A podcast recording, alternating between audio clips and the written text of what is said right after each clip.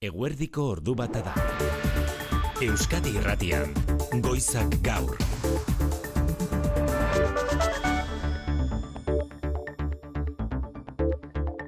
Arratsaldeon daizuela guztioi, EAJak lehendakari gai izendatu izanak sortu duen zalaparta mediatikoari galga jarri dio gaur Imanol Pradalesek. EAJako alderdikideek lehendakari gaiaren inguruan bozkatzeko San Sebastian egun arteko epea dutela eta bitartean berak Bizkaiko diputazioan ilusio handiz jarraituko duela lanean nabarmenuta. Eta urtariaren ogitik aurrera, aukera aukiko dugu hori guztietaz hitzetiko. Momentuz, ni zentratuta nago Bizkaiko foru aldundian, Bizkaiko foru aldundian itzen dudan lanarekin eta gainera ilusioz beterik. Hain zuzen ere, bide azpiegitura eta lurralde garapenerako diputatu gisa, hartxandako tuneletara gerturatu da Pradales, tunel hoiek konpondu eta modernizatzeko egingo dituzten lanen berri ematera. Amazazpi milioi terdiko inbersioa, Bilbo, Txorierrirekin, aireportuarekin eta Bizkaiko teknologia parkearekin lotzen duten hiru tunelak eraberritzeko. Bi urteetan zehar egingo dira lanak faseka, trafikoan alik eta eraginik txikiena izan dezaten, izan ere egunero, hogeita mar, mila ibilgailu baino gehiago igarotzen dira, hartxandako tuneletatik. Eguneko beste lerroburuetan inigo alusti zarratxaldeon. Baita zuri ere, maite. Azken urte bete honetan, orain arte baino Euskal preso gehiago keskatu dute barkamena, espetxe gradu aldaketa lortzeko helburuarekin ala ziurtatu du gaur, Donostian Espainiako Auzitegi Nazionaleko espetxe zaintzarako Carlos Bautista Fiskalak. En el último año sí se está pidiendo perdón. Esto es la doctrina de la Audiencia Nacional parece que ha forzado un cambio. Fiskalaren esanetan Espainiako Auzitegi Nazionalaren doktrina zorrotzak behartu ditu presoak jarrera aldatzera izan ere orain arte presoek damu agertu ez izanagatik aurkeztu die fiskalak elegitea hirugarren gradua lortzeko eskaera askori. Nafarroan hogeita lau orduko epean bigarren langilea hilda istripuz, atzo zintroen igon, gaur etxarriaran atzen, berrogeita amaika urteko alsasuarra zen, hildako langilea itxuraz Omnia enpresako prentza batean harrapatuta hildena albistegian emango dizkizuegu xehetasunak. Gazan bestalde suetenaren luzapenaren lehen egunean, jamasek amar baitu ditu askatzekoak eta Israelek palestinako hogeita mar preso. Our main focus right now is to reach a sustainable truth. Katarreko bitartekaritzaren esanetan sueten iraunkorra lortzea da helburua, oraingo emakumeak eta adin txikikoak askatzea dituzte lehentasun eta horrengo fasean hasiko lirateke gatibo hartutako militarren eta milizianoen gaineko negoziazioak. Eta Ipar Euskal Herrian Frantzia arrestatu osoan bezala tabako paketaren prezioa entzun ondo gutxienez amairu eurora igoko baitu Frantziako gobernuak modu progresiboan 20hogeita seirako gaur aurkeztu du plana osasun ministroak. Ce que nous voulons avec ce plan, c'est euh, sortir de la, de la banalisation du tabac. Ogelien Russo, osasun ministroak aurreratu du planak tabakoaren banalizazioaren aurka egitea duela helburu 2000 eta hogeita mabirako tabakorik gabeko lehen belaunaldiak lortzeko paketearen prezioa igoz ezezik, kerik gabeko eremuak zabalduz, ondartza, parke eta ikastetxe eta eraikin publikoen kanpoalde guztietara edota behin erabiltzeko zigarreta elektronikoak debekatuz. Baionako kaleetan izango da izpide Ipar Euskal Herriko gainerako herritan bezala, baina goazen orain herri urratsi buruz hitz egitera Andoni Lizea Garratsaldeon. Izan ere datorren urteko herri urrats jaia gaur aurkeztu dute Baionan, iaz gogoratzen dugu uoldeek eragindako tristura ura, hala ere tristuraren atzetik jendeak erakutsitako elkartasun oldea eskertuz hasi dute gaur prentxaurre antolatzaileek. Eta urtengorako pentsatzen dut atzak gurutzatuta maiatzaren amabian egingo duten herri urratsen e, xetasunak eman dituzte andoni. Hala da, maiatzaren amabian, izordua zenperen, eguzkiarekin eta uriarekin hortzadarra, hori aurtengo leloa, sosak, beskoitzeko ikastola berria dirustatzeko eta neomak emakume musika talde kantua eta iragan edizioko euriteen eta uolde ondotik sekulako elkartasun uoldea Koldo Rodriguez. Emaitzak egon dira mundu osotik, eta hola da, mundu osotik esaten dugunean mundu osoti da, eta batez ere aipatzekoa da, ba, bai iparraldetik, zein aldetik e, euskaltzaleek ba, egin duten indarra, ba, zehazka laguntzeko, eta horrek e, aukere eman du, ba, diru sama eder bat emateko zehazkari. Oiko herri urratz batean baino, diru dezente gehiago bildu dute. Beskoitzeko ikastola ipatu dugu azken berria, jenerren etxe garaik, bitartekari lanak eginen dituela herriko etxearekin egitasmoa inzineratzeko. Prefeturaren jarrera salatu dute berriz ere, beskoitzeko aferan laguntzarik ez, eta gainera, zenpereko kolegio berriaren lurrak erostera behartu nahi baitituzte. Errepidezaren nagusira begira dezagun oraino, nintza segurola, nola daude gauzak? Ba, arreta derion, nazional zeiru iru errepidean bi autokistripua izan dute, aeroporturako norabidean eta errepidea erabat moztuta dago. Bi lagun zauritu dira, gurutzetarako ospitalera eraman dituzte, bidean gasoila zabaldu da, eta garabien zai daude, bautoak erretiratu eta errepidea garbitzeko ertzentzatik esan digute, dagoeneko sortu diten erretentzioek ba eragine izaten ari direla nazional zeiru bat errepidean ere. Eta eguraldiaren pronostikoari begira jarritan, aiera barredo, arratsaldeon. Kaixo, arratsaldeon. Nola dato zurrengo orduak? Ba, datozen orduetan, odei ugarirekin jarraituko du eta euria ere egingo du, batez ere ipar partea, baina hala ere goizean baino gutxe egingo du, eh? eta hortaz ba, aterruneak luzatu egingo dira. Ipar mendebaldeko aizeak ere indarra galduko du, eta temperatura gaurkoan amabos grado azpiti geratuko da, e, e, geratuko da edota kostaldean ba, bali horren inguruan. Beraz, datozen orduetan, tarteka bustiko du esan bezala, baina goizean baino gutxiago. Eta bihar, bitzetan? Ba, egoera oso ezberdina bihar, egoizea izango da protagonista, batez ere arratsaldean eta horren ondorio alde batetik temperatura dezente igoko da, kosta partean hogei gradu ingurura, eta horrekin batera giroa lehorragoa izango da. Konforme nahiara bihar arte. Bale, bihar arte. Jose Maria Paulaza, partida bikaina bart Gironan, ez da? Bai, alako izan da atletikek eta Gironak egin dutena, Europan izateko erronkari tinko heldu aurten atletikek. Eta orain zelkapenean bat eginda Realarekin, Reala bien bitartean biharko partiari begira, txapetunen ligara itzuli bezperauka da gaurkoa.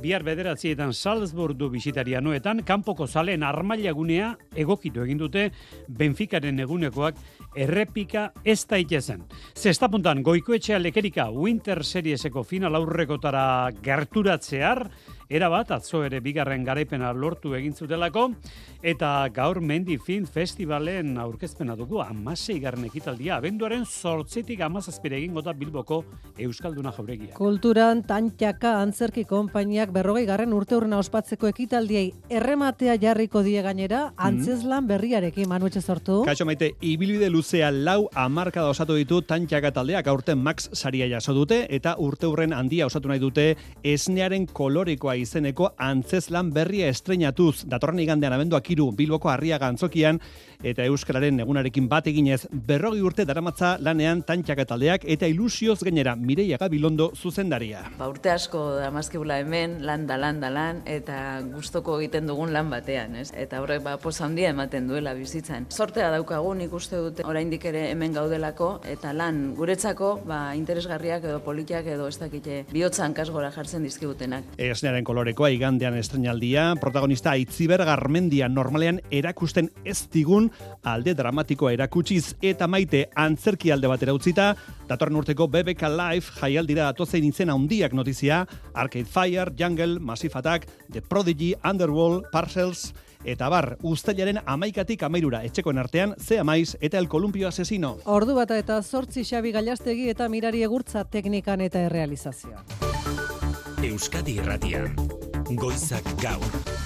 Maite Artola. Inigo Urkullu lehendakariak ea jotaren urrengo lehendakari gaia ez dela izango jakindenetik gaur gidatu du lehenengo gobernu bilera. Ez du pistarik utzi Urkulluk datozen hauteskundeak zehazki noiz dituko dituen.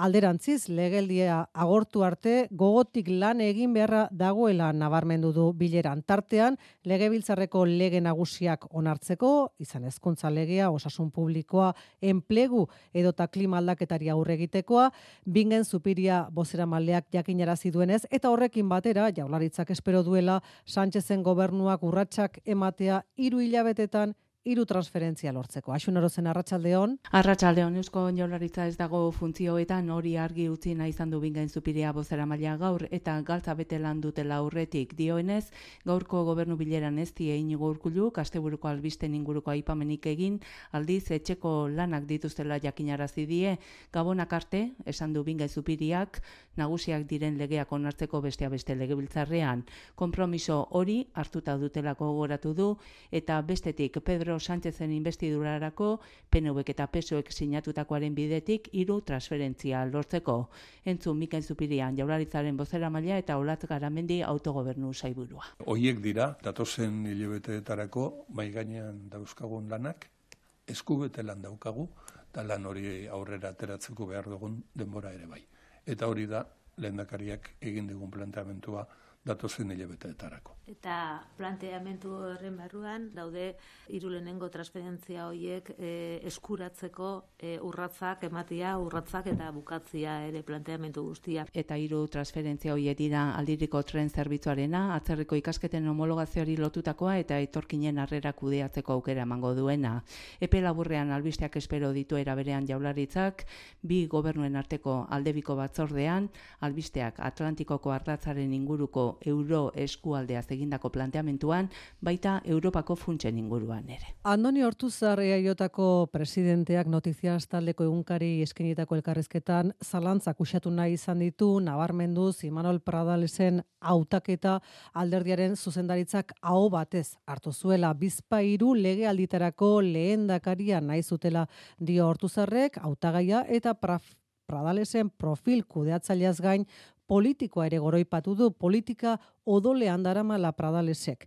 Imanol Pradalesek berak entzun dugu alderdiaren barne prozesuarekiko errespetua berretsi du gaur eta Urtzi azpiegitura eta lurralde garapenerako foru diputatu karguan ilusio betez jarraituko duela esan ere bai urtarrilaren hogei arte gutxienez. Hauri berori ondori usta daiteke hartxandako tunelen konponketa iragartzeko gaur egin duen agerraldian esan dagotik orain dik ere bizkeiko foru aldundian lan asko dagoelako egiteke eta alderdiaren barne prozesua amaitzean helduko diola lehendakaritzarako lasterketari. Eusko alderdi jaltzalearen alderdikideei oraindik dagokie ba, esatea, boskatzea, e, ze hautagai nahi duten. Orduan, errespetatu behar dudanez, errespetatuko dugu, eta urtariaren hogitik aurrera, aukera aukiko dugu, hori guztieta zitzetiko. Momentuz, ni zentratutanago Bizkaiko foru aldundian, Bizkaiko foru aldundian itxen dudan lanarekin eta gainera ilusioz beterik. Bain zuzen bere profil kudeatzailea gore ipatuta Andoni Orduzarria jotako presidenteak deia egunkariari eskainitako elkarrizketan, Euskadin ez dago Pradelesek baino dirutza handiagorik kudeatu den jende askorik esan du Orduzarrek. Alaber, lehendakari gaiaren zen politikoa nabarmendu du politika odolean daramala eta usaimen bikaina duela gizarteari pultsu hartzeko.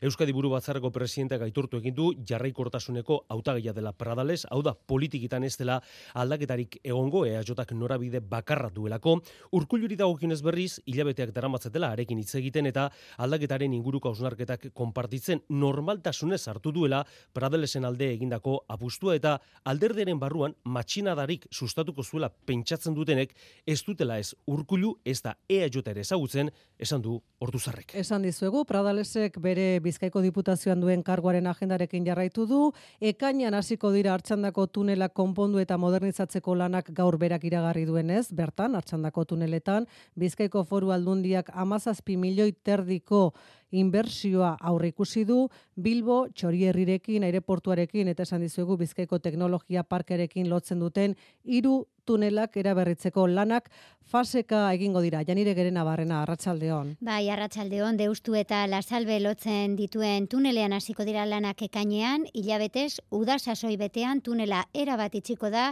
eta hortik aurrera jarduerak gauez eta asteburuetan egingo dira trafikoan alik eta eragin gutxien izan dezaten. Izan ere, azpiegitura estrategikoa da Bilbo hiriburuaren inguruko mugikortasunerako Imanol Pradales azpiegitura diputatuak nabarmendu duenez. Dira obra garrantzitsuak azpiegitura estrategikoa den batean.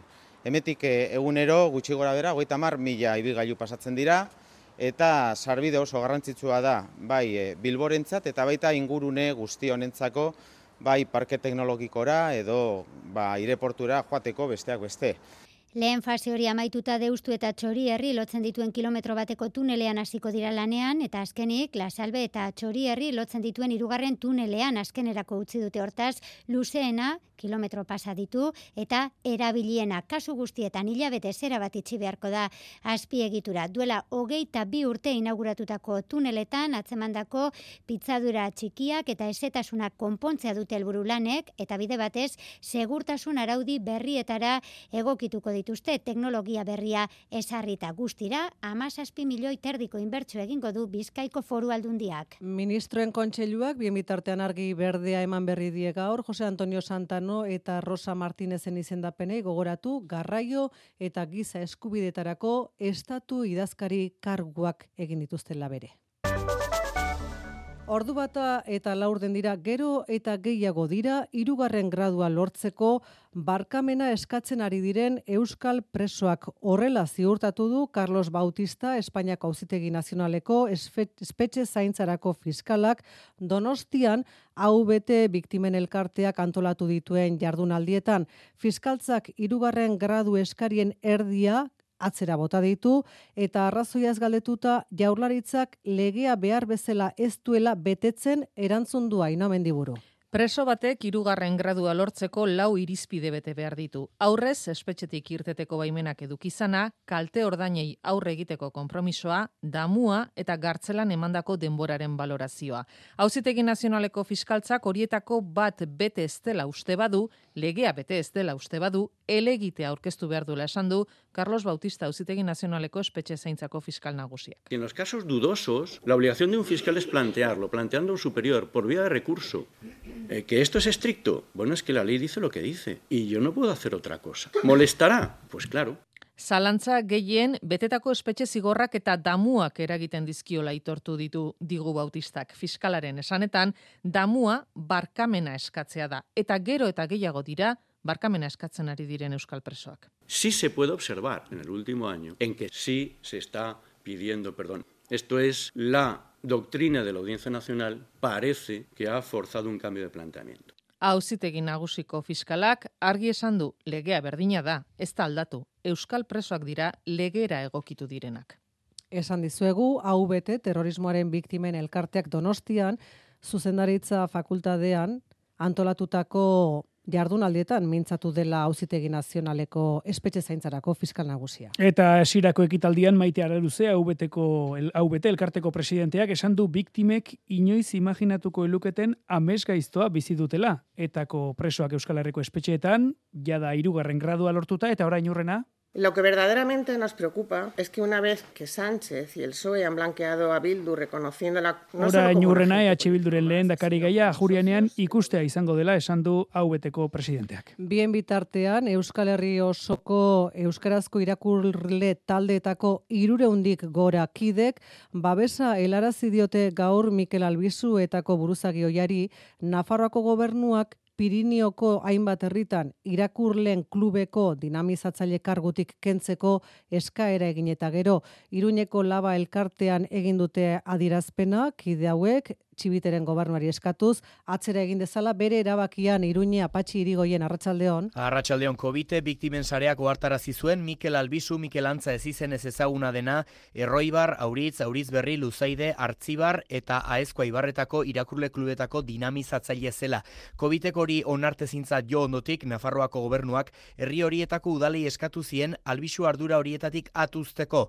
Auritz Berriko irakurle klubak Albizuri babesa helarazteko adirazpenera batu diren irureundik gora kidek eskatu diote gobernuari atzera egin dezala eta erabakia berrazter dezala. Josu Jimenez Maia, erronkari bar eta zaraitzuko klubetako dinamizatzailea. Eskatzen diogu berazter dezan hartutako erabaki hori, ez da normala Nafarroko gobernuak hartzea epaile batek hartu beharko lukeen eta hartu ez duen erabaki bat. Bidegabekeria hau ari da sortzen egoera Era berean azaldu dute Mikel Albizuk etako buruzagi izategatik kondena bete zuela eta ez dagoela inolako iragozpenik egun duen karguan jarraitzeko entzun duzu epailea bailitzan jokatu duela gobernuak eta Albizuren lana epaitzeko zilegitasun bakarra dutenak bere irakurle klubetako parte hartzaileak dira Jimenezen arabera. Ordu bata eta emeretzi minutu, gai ezera bat aldatuta, langabezia prestazioa agortuta, langabezia sorospena, alegia subsidioa jasotzen duten personak alik eta bizkorren lanera itzultzea da Espainiako gobernua prestatzen ari den erreformatako baten helburu nagusia. Europako diru funtsen truke Bruselarekin adostutako erreforma da eta testua itxigabe dagoen arren Ekonomia Ministerioaren asmoetako bat da diru laguntzaren zenbatekoa gutxitzen joatea denbora igaro ala sisto iturriaga goitia. Zabaldu diren informazioen arabera, orotara gaur egun jasotzen duten kopuru berbera jasoko dute aurrerantzean ere, langabezia sorospena eskatzen duten langabeek, baina laguntzaren zenbatekoa handiagoa izango da hasierako hilabeteetan eta denbora pasala gutxitzen joango da. Gainera, laguntza bateragarria izango da lanaldi osoko enplegu batekin. Modu horretan, onuradunek lana modu aktiboan bilatuko dutela sustatu nahi du ekonomia ministerioak. Horrekin batera, administrazioak gaur egungoa baino jarraipen zorrotzagoa egitea nahi du kalbino buru duen ministerioak langabezia sorospena jasotzen duten persona horiek eskenitako formazioa baliatu eta lan eskaintzak onartzen dituztela bermatzeko. Erreforma hau urtebete atzeratu atzeratu da jada ekonomia eta lan ministerioak ikuspuntu ezberdinak dituztelako, baina ekonomia ministerioaren aurreikuspena da bi hilabete igaro baino lehen prest izango dela lege dekretua. Berau hartzeko gobernuak ez du elkarrizketa mailaren onespenik behar, baina la ere erreforma mailan planteatzeko asmoa adierazi dute ekonomia ministerioko iturriek. Jaurlaritzak bien bitartean, eun mila euroko diru laguntza eskainiko die Bizkaia Gipuzko eta Arabako merkataritza ganberei autonomoentzat borondatezko gizarte aurrikuspen erakunde berria sortzeko. Zupiria bozera mailak nabarmendu du autonomoek oroar gutxi kotizatzen dutela eta horren eraginez beraien pentsioak eta bestelako prestazioak ere basuak izaten direla. Gizarte aurrikuspen erakunde berri honen bitartez autonomoek sarrera osagarriak izango lituzkete zupiriaren esanetan. Posible izango litzateke ekarpenak egiten dituzten langile autonomoek izango dituzten osagarriak ere egokiagoak izatea eta beraiek elkartuta kudeatuko duten ezkero EPSV hau kudaketa kudeaketa gastuak ere eramangarriagoak izango dira eta langile autonomoek aukera izango dute prebizio sistema honetan arinago sartzeko. Europako azpiegitura elektrikoek bestalde ia 600 mila milioi euroko inbersioa beharko dute datozen hamar urteetan energia transizioak eskatzen duen ekonomiaren eraldaketa, ekonomiaren elektrifikazioa gauzatuko bada. Hori da Bruselaren aurreikuspena eta inbersio erraldoi hori albidetzeko ekintza planaren berri eman du gaur, baieztatuz Europako funtsak jasoko dituela itsas azpitik Bizkaiko gatika eta Akitaniako kubnezaiz lotuko dituen interkonexioak. Amaia Portugal Brusela Arratsaldeon Arratxaldeon, interes komuneko proiektuen zerrenda berritu du Europar batzordeak, baina nobedade batekin. Oraingoan, itun berdearekin bete-betean bat egiten duten energia azpiegiturak baino ez dira sartu. Hau da, amarkada bukatzerako energia kontsumoaren euneko berrogeita bi eta erdi berriztagarrietatik etorriko bada funtsezkoak diren proiektuak. Eunda irurogeita sei dira guztira eta Euskal Herriko hiru daude tartean, handiena itxasoz bizkaiko golkoaren bitartez, gatika eta bordele elkar lotu behar dituen argindar sarea. Frantziako eta Espainiako gobernuek adostu zutenean Bartzelonatik Marseiara hidrogeno berderako odia eraikitzea, gatikako proiektua aldi berean gauzatzea izan zen hain zuzen, Eliseoak jarri zuen baldintzetako bat. Beste bi egitasmoai dagokienez, bat aspaldikoa da, Nafarroa eta Landen arteko lotura elektrikoa Pirineoak zeharkatuta, eta bestea berri berria, aurten Repsolek Bilbon abiarazi duen elektrolizatzailea. Eunda irurogeita sei proiektuen zerrendari balekoa eman behar diote orain, parlamentuak eta kontseiluak gehienera jota lau hilabete izango dute horretarako. Mekaner, glabista eta mikrodeko lantegietako eundaka langile bat egindatera dira gaur bestalde bilboko kaleetara salatzeko arrisku larrian daudela automobilgintzaren sektorean historikoak izan diren aiaraldeko, uribe kostako eta durangaldeko hiru lantegi hauek. Multinazionalen esku daude irurak eta sindikatuek jaularitzari eskatzen diotena da diru publikoa jasotzen duten konpainiei kontrola jartzeko maialen narratibel arratsaldeon. Arratsaldeon bai, irurak dira automobilgintzaren sektorean lantegi historikoak eta enpresa jabeek azken urteotan egin dituzten deslokalizazio politiken ondorioz besteak beste itxiera arriskuak gertu gertuan ikusten dute urdulizen laudion eta baita ermuan ere guztira ia bosteun lanpostu dira galtzeko arriskuan daudenak eta animoz gero eta aulago daudela onartuta jaurlaritzari laguntza eskatu diote. Entzun urren ez urren ondoren, Unai Mirasolain mekanerrek ordezkaria, Javier Santos Glabistakoa eta Jose Luis Taboada mikrodekokoa.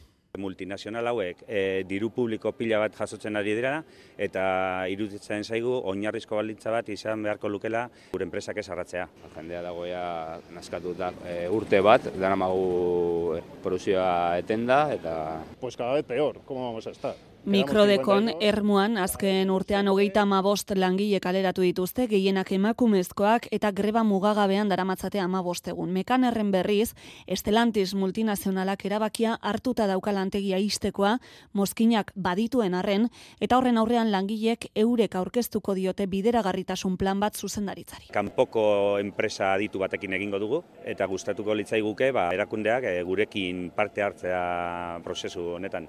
Eta glabistan guardian multinazionala dago egungo jabeek egin nahi duten likidazioaren atzean sindikatuen arabera eta berreunda berrogi langile daude kaleratze arriskoan.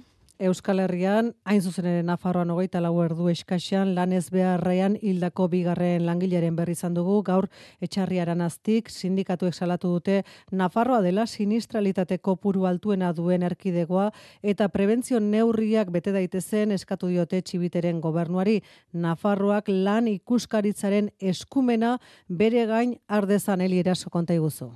Bai, ba, berrogeita maika urteko gizonezko altxatxoarra prentsa mekaniko batek harrapatuta, hilda, etxarriaran asko industrial armadura sobnia lantegian, gaur goitzeko zazpietan, atzo berri zintruan egon, berrogeita mala urteko langilea hiltzen, industria nabe bateko telatutik erorita, ba, sindikatuek hildako langileen senitarteko elkartasuna dirazterekin batera, enpresariak eta erakundeak egin dituzte lan eriotzauen erantzule, eta prebentzio neurriak beteta daitezen eskatu duelak lan ikuskaritzaren eskumena Nafarroaren zat. Andoni Larralde sindikatuaren lan osasuneko arduraduna da. E, eskatzen ditugu berehalako neurriak lan eriz gehiago ez gertatzeko, eta e, horretarako beharrezkoa da, 2018an parlamentuak e, onartu zuenari jarraituz, Nafarroko lan ikuskaritzaren eskumena berreskuratzea eta honen plantilla irukoiztea.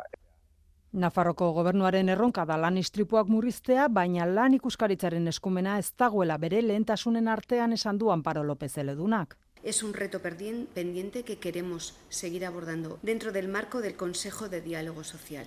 Azken urtean, ia euneko amarrigo dira lanez beharrak Nafarroan. Ekialde hurbilean suetenaren luzapenaren lehen eguna da gaur eta ondo bidean beste hamar baitu eta hogeita hamar preso askatuko dituzte urrenez urren Hamasek eta Israelek. Bien bitartean, bitartekariak erlojuaren aurkari dira lanean, suetena ostegun goizean amai ez dadin, Katarren esanetan emakumeek eta dina txikikoek dute orain lehentasuna eta beste fase batean negoziatuko dute gatibu hartutako militarren inguruan. Ekialde hurbilean Mikel Aiestara neite beren berri emaleak azken ordua.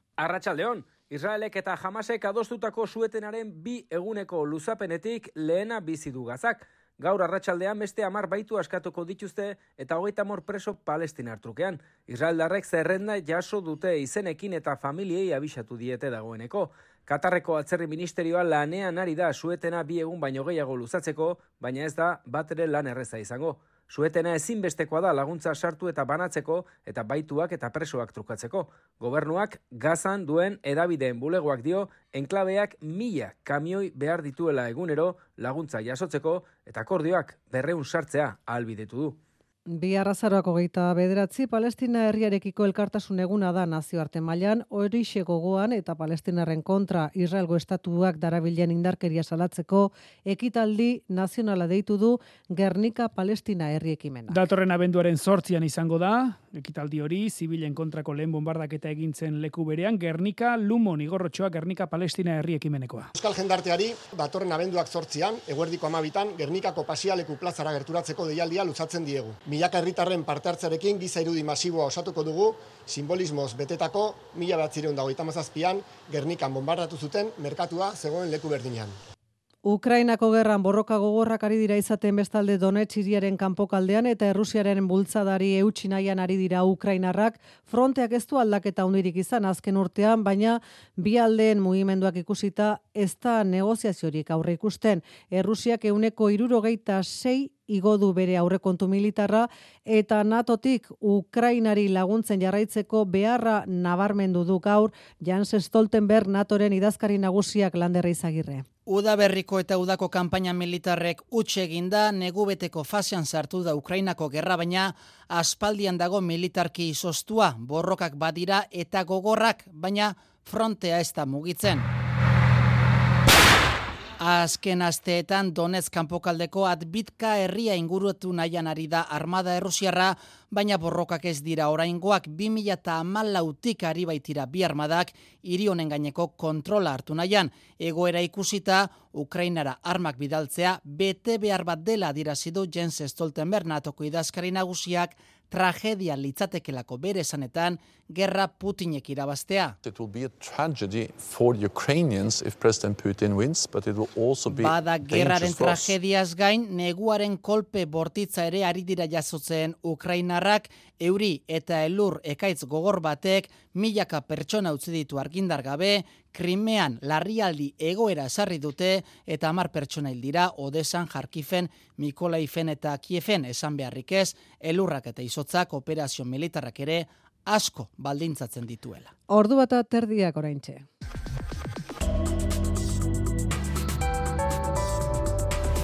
Euskadi Irratian, eguraldia eta trafikoa. Errepide esaren nagusian gudakigula aparteko gora berari gabe ordu honetan, eta urren orduetarako eguraldiaren pronostikoa berriz Euskal Meten eskutik. Datozen orduetan odei ugarirekin jarraituko dugu eta euria egingo du batez ere ipar partean. Hala ere, goizean baino gutxiago egingo du eta hortaz aterruneak luzatuko dira.